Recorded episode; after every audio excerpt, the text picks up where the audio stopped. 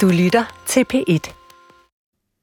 Slå ikke større brød op, end du kan bage, og du skal ikke strække dig over flere markeder. Det kan dræbe din forretning. Der er mange ordsprog inden for iværksætteri omkring, hvad man skal og hvad man ikke skal. Og øh, den overbevisning, øh, den har dagens iværksætter mødt flere gange, og de irriterer ham. For han drømmer faktisk om at skabe en forretningsmodel, som er cirkulær, hvor man netop skal gå ud og sprede sig over flere markeder.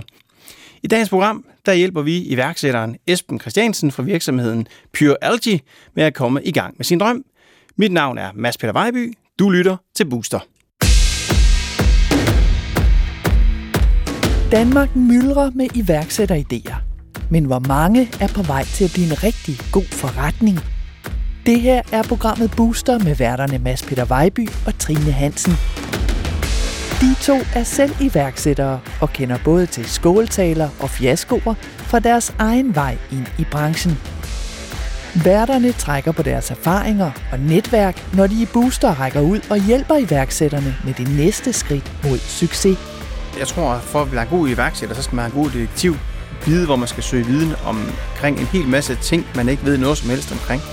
Dagens iværksætter, Esben Christiansen, tvivler på sin vision om at gøre forretningsmodellen cirkulær i sin virksomhed. Især når han hører iværksætterfraser som Du kan ikke strække dig over flere markeder uden at dø. Mads og dagens ekspert giver opmærksomhed til netop den udfordring. Hvis du vil for meget på samme tid og har begrænsede ressourcer, så er der en større sandsynlighed for, at du taber det hele på gulvet. Så selvfølgelig er det, er det altid hensigtsmæssigt at vise sin teknologi, hvis det er det, vi snakker om her, øh, inden for et område først.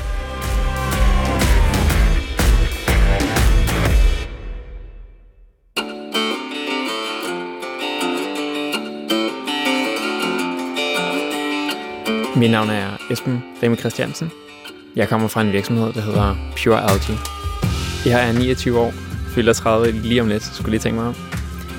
Og jeg er civilingeniør i bioteknologi. Pure Algae øh, udvikler simpelthen en teknologi, som der muliggør at opsamle kvælstof og CO2, og simpelthen øh, opsamle det i tank som en høj værdi biomasse.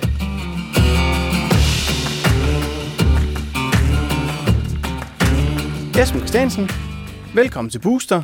Du er direktør i Pure Algae, som ligger i, øh, i Grenå. Og øh, som jeg har fået at vide, så bevæger du dig inden for et marked, som er i vækst, nemlig produktion af tang. Men øh, du dyrker det ikke i havet, du dyrker det på land i nogle tanke. Det er jeg lidt nysgerrig på. Kan du fortælle mig omkring det her setup? Det er sjovt, fordi at mange stopper lidt op og kigger mærkeligt på os, når vi siger, at vi dyrker tang på land. Øh, en artikel øh, kom en der til at skrive en gang, at øh, vi gjorde det helt uden vand, øh, hvilket jeg bare lige skal understrege ikke er tilfældet.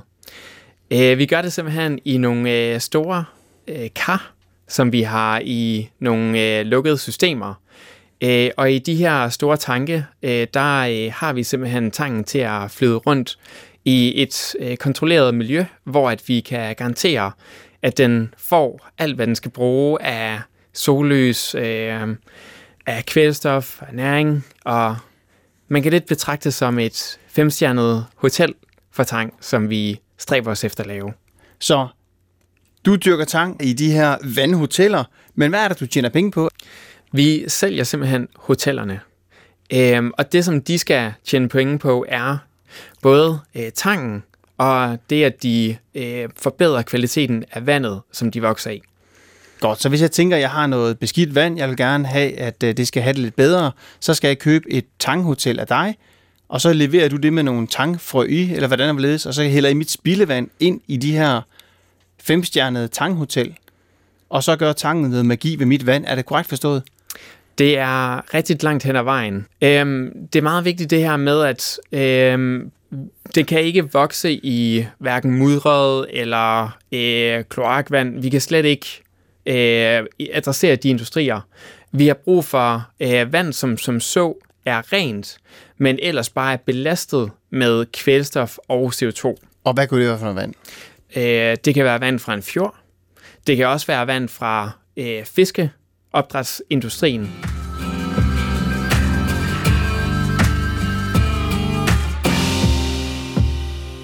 Som person er lidt en eventyr og det betyder, at i forbindelse med min studie, så læste jeg blandt andet et halvt år i Australien. Og en af de ting, som Australien blandt andet er kendt for, er at være fremme i skoene, når det kommer til dyrkning af tang. De har simpelthen de her store arealer, hvor de har en landbaseret dyrkning øh, af tang. De producerer enorme mængder af tang, som kan have en kommersiel værdi, kan tabe ind i et marked, samtidig med, at det ikke bare skaber, skaber værdi, så tager de faktisk også og bruger tangen til at oprense CO2 og kvælstof fra miljøet, og dermed så er der både en miljøgevinst og et kommersielt perspektiv. Jamen så tænker jeg, at det her, det bliver vi simpelthen nødt til at få implementeret i øh, Danmark også. Så lavede jeg så øh, mit speciale, blev sågar kaldt øh, Danmarks Mester Søssalat og Dr. Tang, og efter stort pres fra potentielle kunder, potentielle fonde, potentielle investorer, så tror jeg faktisk og tænkte, at jeg kommer nok mere til at fortryde, øh, hvis jeg ikke gør det, end det, der kan ske, hvis jeg kaster mig ud i det.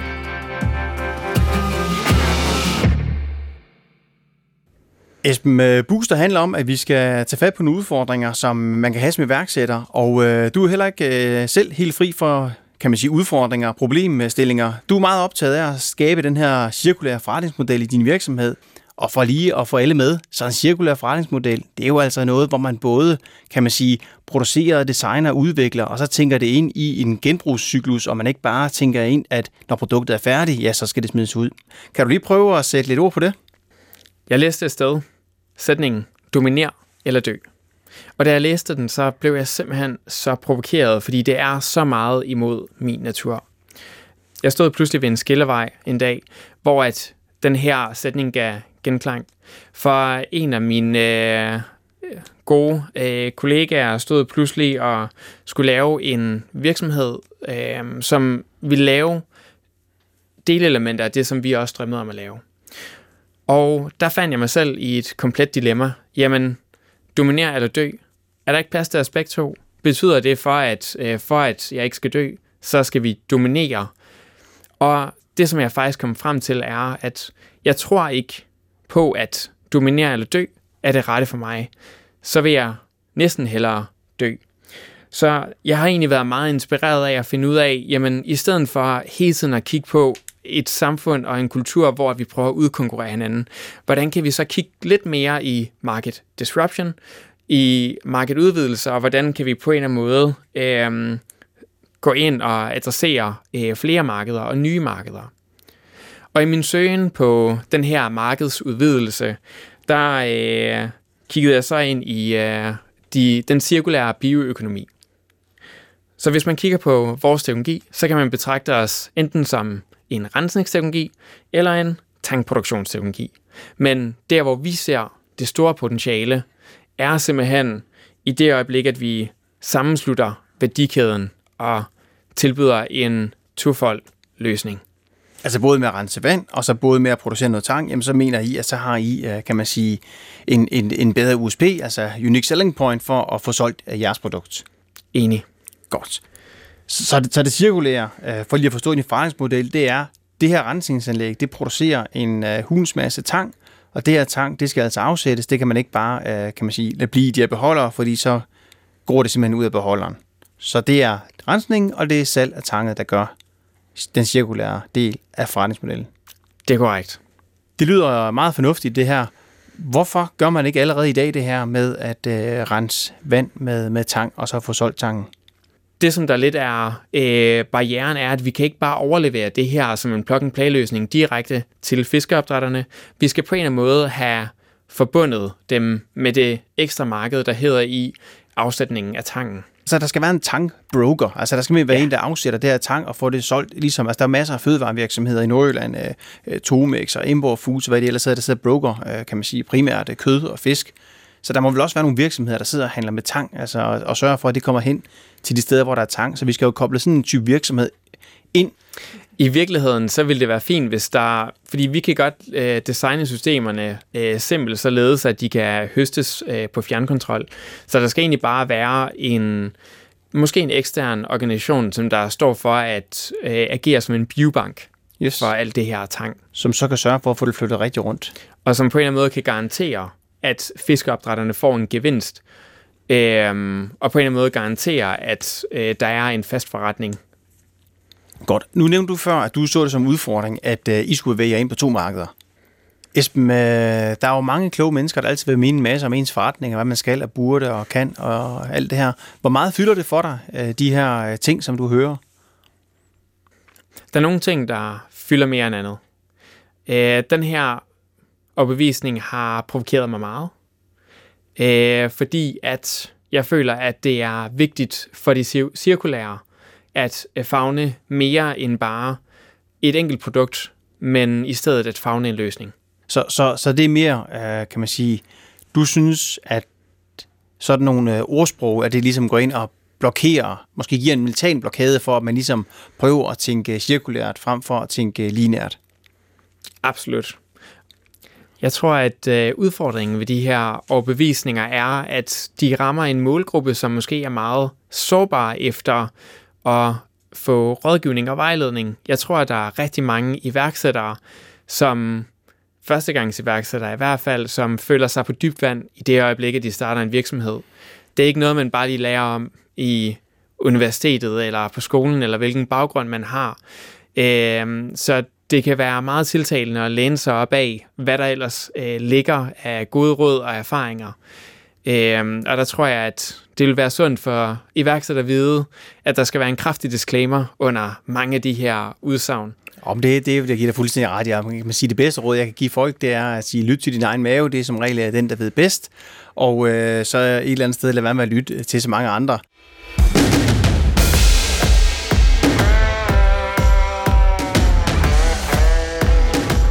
Esben drømmer om at skabe en cirkulær forretningsmodel i sin virksomhed, fordi det harmonerer bedst med den, han er som menneske. Men gør det automatisk forretningsmodellen til en god idé? Det spørgsmål tager Mads nu op med dagens ekspert, chefkonsulent for Dansk Industri, Line Poulsen.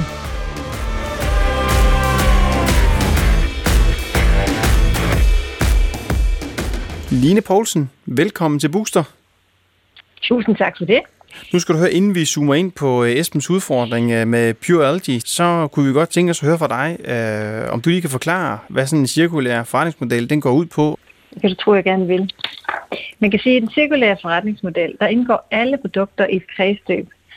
Så produkterne genbruges flere gange, eller også så bliver de man kan sige, materialer anvendt i, øh, i eller til helt nye produkter. Så det vil sige, at man, man, man sørger egentlig for at skabe så lidt affald som overhovedet muligt, øh, ved sådan at skabe ny værdi af eksisterende produkter eller rester af produkter, som man ikke kan bruge i sin primære produktion.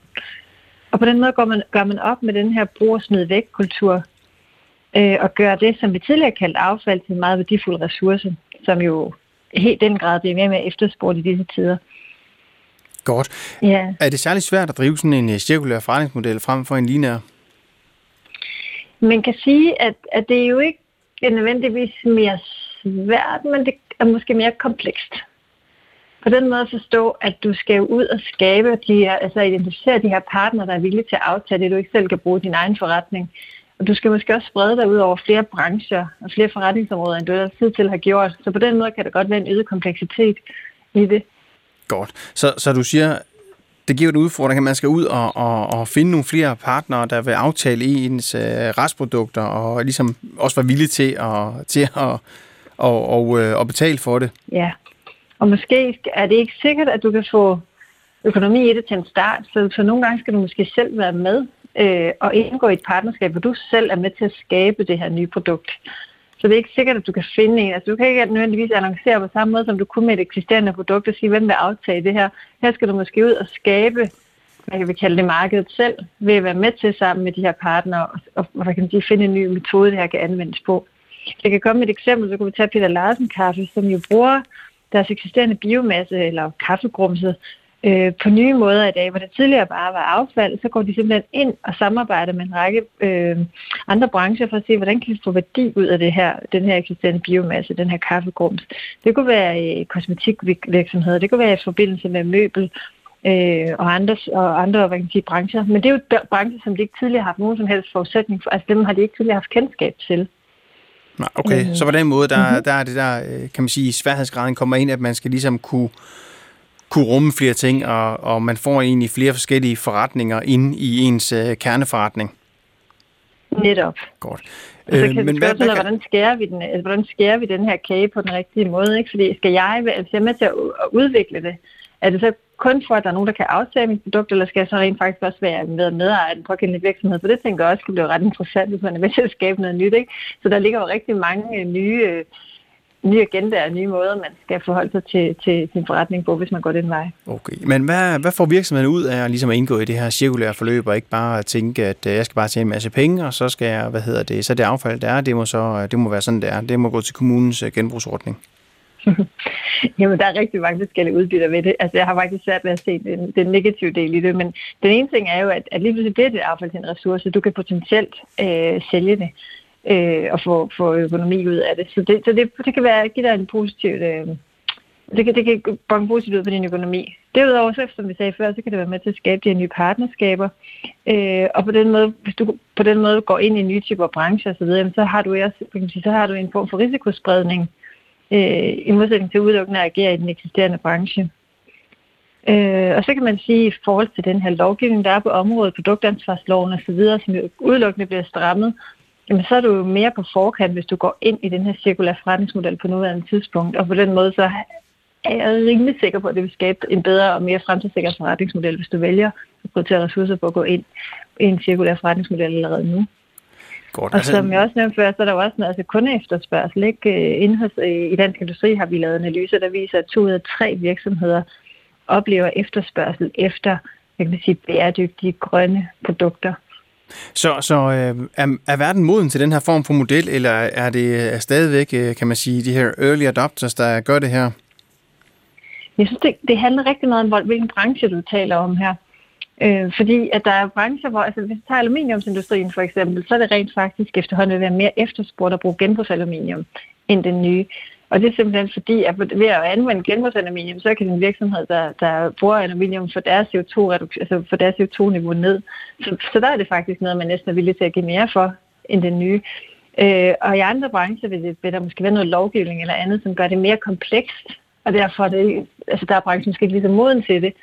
Så det er sådan meget afhængigt af, hvilken branche vi, vi arbejder i, men som udgangspunkt er, altså man kan sige, presse alt i retning af, at det er den vej, man skal gå. Altså det er i hvert fald vores anbefaling, men det er jo klart, at dem, der ikke har arbejdet med det nu, vil måske ikke være så modne til at aftale men, men ingen tvivl om, det er vejen frem. Men, men vi, vi skal jo også lige i gang. Altså der er jo rigtig mange, som øh, kloger sig på iværksætteri og skriver bøger og holder masser af foredrag, mm. og øh, der er også mange, mange, der kan måske lægge for meget i de her øh, slogans eller øh, sayings, øh, der, der er, og, og et af dem, som, SMS han har stødt på, det er det her med, at hvis han spreder sig over to øh, markeder eller to forretninger på én gang, jamen, så kommer han simpelthen til at dø, og det, det provokerer ham lidt. Øh, hvad, hvad er din holdning ligesom til, til det, og er det noget, du kan genkende? Jeg, jeg vil sige, at jeg synes ikke, jeg kan genkende det som sådan, øh, og dermed også sagt, at jeg har, jeg har ikke en baggrund i iværksætterbranchen, eller i, øh, inden for iværksætteri, men mere blandt etablerede virksomheder. Men, men der er jo ingen tvivl om, og sådan er det jo med alt i livet, at hvis du, går, hvis du vil for meget på samme tid og har begrænsede ressourcer, så er der en større sandsynlighed for, at du taber det hele på gulvet. Så selvfølgelig er det, er det altid hensigtsmæssigt at vise, øh, hvad kan man sige, sin teknologi, hvis det er det, vi snakker om her, øh, inden for et område først, og være sikker på, at man faktisk har styr på den, inden man måske bevæger sig meget videre. Ikke? Så det der med at have proof of concept i et område, er jo altid en god forudsætning for at drive forretning. Men, øh, men, men jeg, synes, jeg synes faktisk, at i Esbens tilfælde her, der vil jeg simpelthen ikke mene, at det gav mening, at han ikke fra start af prøvede at tænke hele værdikæden ind. Og så kan det jo godt være, at han skulle lægge en del af, af partnerskabet ud øh, hos en, en, en samarbejdspartner inden for et af de områder, som han ikke er allermest fodfæstet omkring. Men, men nej, jeg vil, jeg vil, jeg vil uh, synes, det gav mening, at han arbejder med cirkulær forretningsmodel fra, som udgangspunkt, hvis, hvis han havde har kræfterne til det.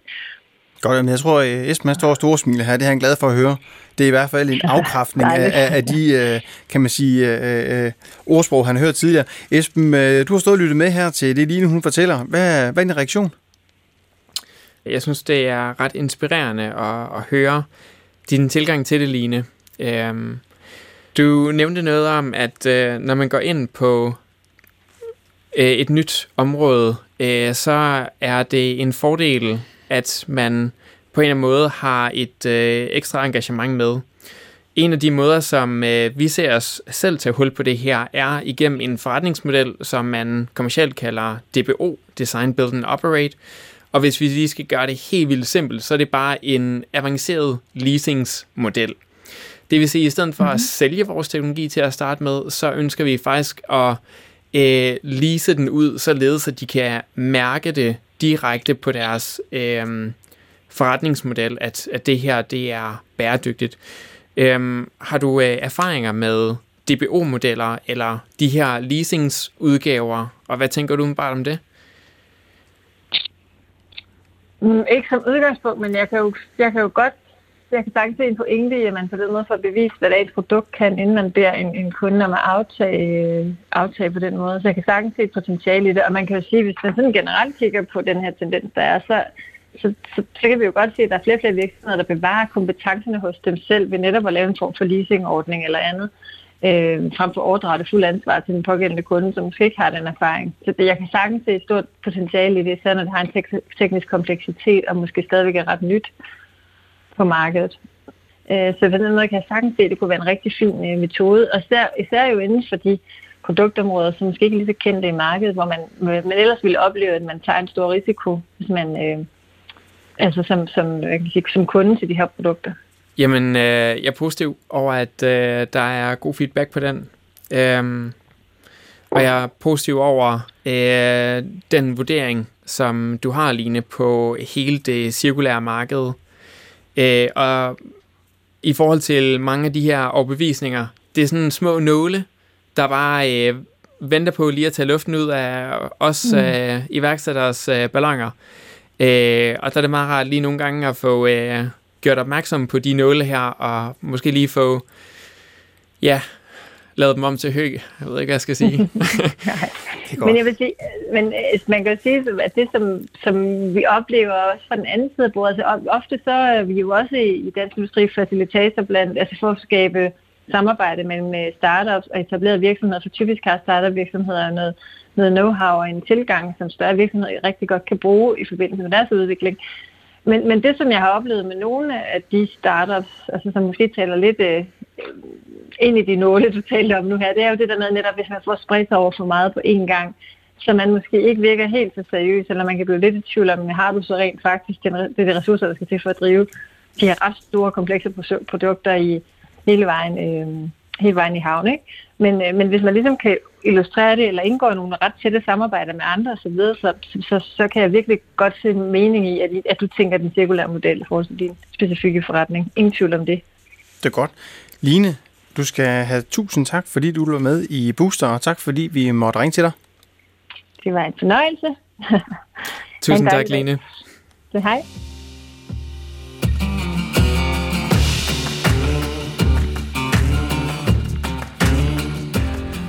Jeg synes, det var så skræmmende at kaste mig ud i værkstedet. Så det første, jeg gjorde, var at øh, købe den første bog, jeg kunne finde. Der var en, der hed Værksætter, med øh, Mads og Lars, øh, som der havde øh, lavet en fin beskrivelse af, hvad det vil sige at være iværksætter. Jeg læste den simpelthen øh, igennem fra A til Z, øh, fem gange nok, øh, og det blev lidt min bibel. Og hvor mange ting, der end var i hele det her, øh, som der kunne hjælpe mig. Øh, lige så mange ting var der også, der lidt udfordrede mig. Øh, der var en del overbevisninger i. Der var blandt andet øh, udtryk som, øh, man skal som iværksætter være resistent mod modgang. Så inden jeg startede, tænkte jeg, men jeg, jeg, jeg oplever ikke mig selv for at være en person, som er resistent mod modgang. Øh, så betyder det så, at, at det værksætteri er ikke for, noget for mig. Desuden så stod der også, øh, at man skal altid have en co-founder. Øh, de skrev det så provokerende, øh, som jeg desuden har hørt mange gange før. Two is one, and one is not. Og det at finde modet til at starte en virksomhed, det, øh, det er godt nok ikke noget, der bliver boostet af, at man får at vide, at når du gør det alene, så er det jo ingenting. Så jeg vil sige, øh, det var en, øh, en kæmpe chance, jeg føler, jeg, jeg løb. Øhm, men jeg var villig på at vise, at one could be more. Esben, så fik vi talt med Line, som var chefkonsulent i Dansk Industri, og som har en øh, masse for forstand på det her omkring øh, den cirkulære forretningsmodel. Hvad tænker du om de ting, hun sagde? Du, du storsmilede under dele af samtalen. Jeg synes, det er sådan en stor fornøjelse at øh, høre Line øh, og hendes indsigt. Jeg vil sige med det samme, at jeg har været ude og pitche den her virksomhed øh, rigtig mange gange, over rigtig mange år nu. Øh, og jeg synes altid, det har været komplekst øh, at skulle formidle og få øh, folk til at forstå en forretningsmodel, som ikke er lineær. Men det her, det synes jeg virkelig bakker op om øh, den strategi, som jeg selv føler mest for. Det her med at være en value chain creator. Altså simpelthen male forretningsmodellen for kunden. Øhm, og det har jeg stor tro på, at øh, vi fortsat øh, kan arbejde på. Og jeg kan godt se, at det er også et spørgsmål om ressourcer, men øh, jeg ser det også som en, en god mulighed for at give en tryghed hos øh, kunder til store investeringer.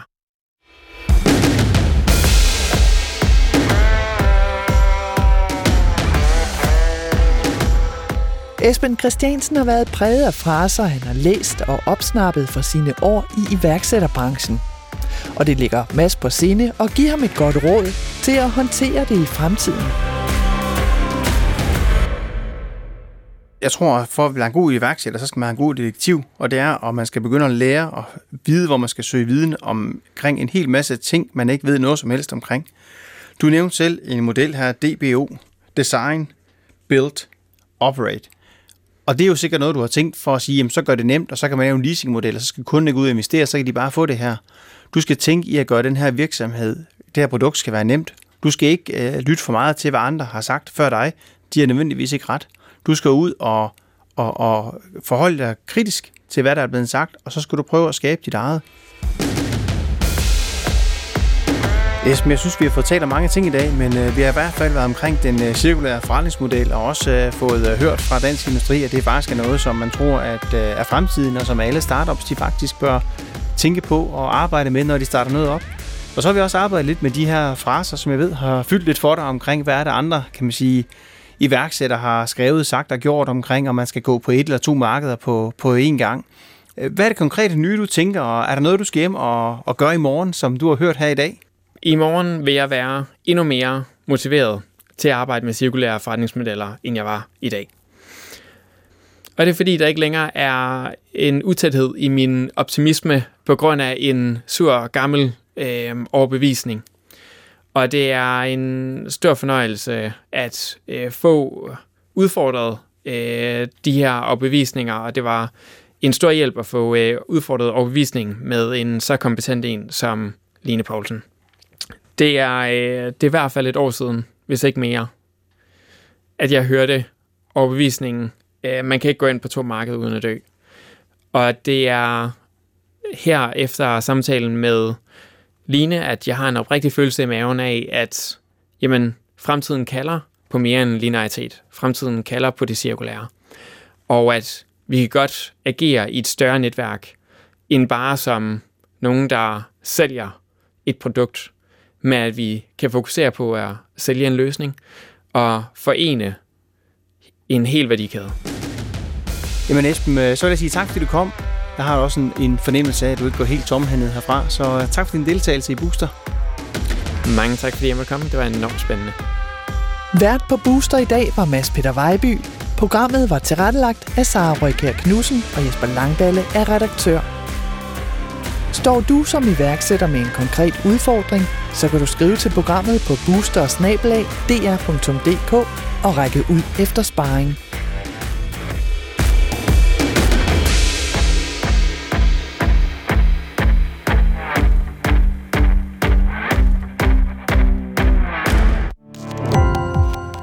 Gå på opdagelse i alle DR's podcast og radioprogrammer. I appen DR Lyd.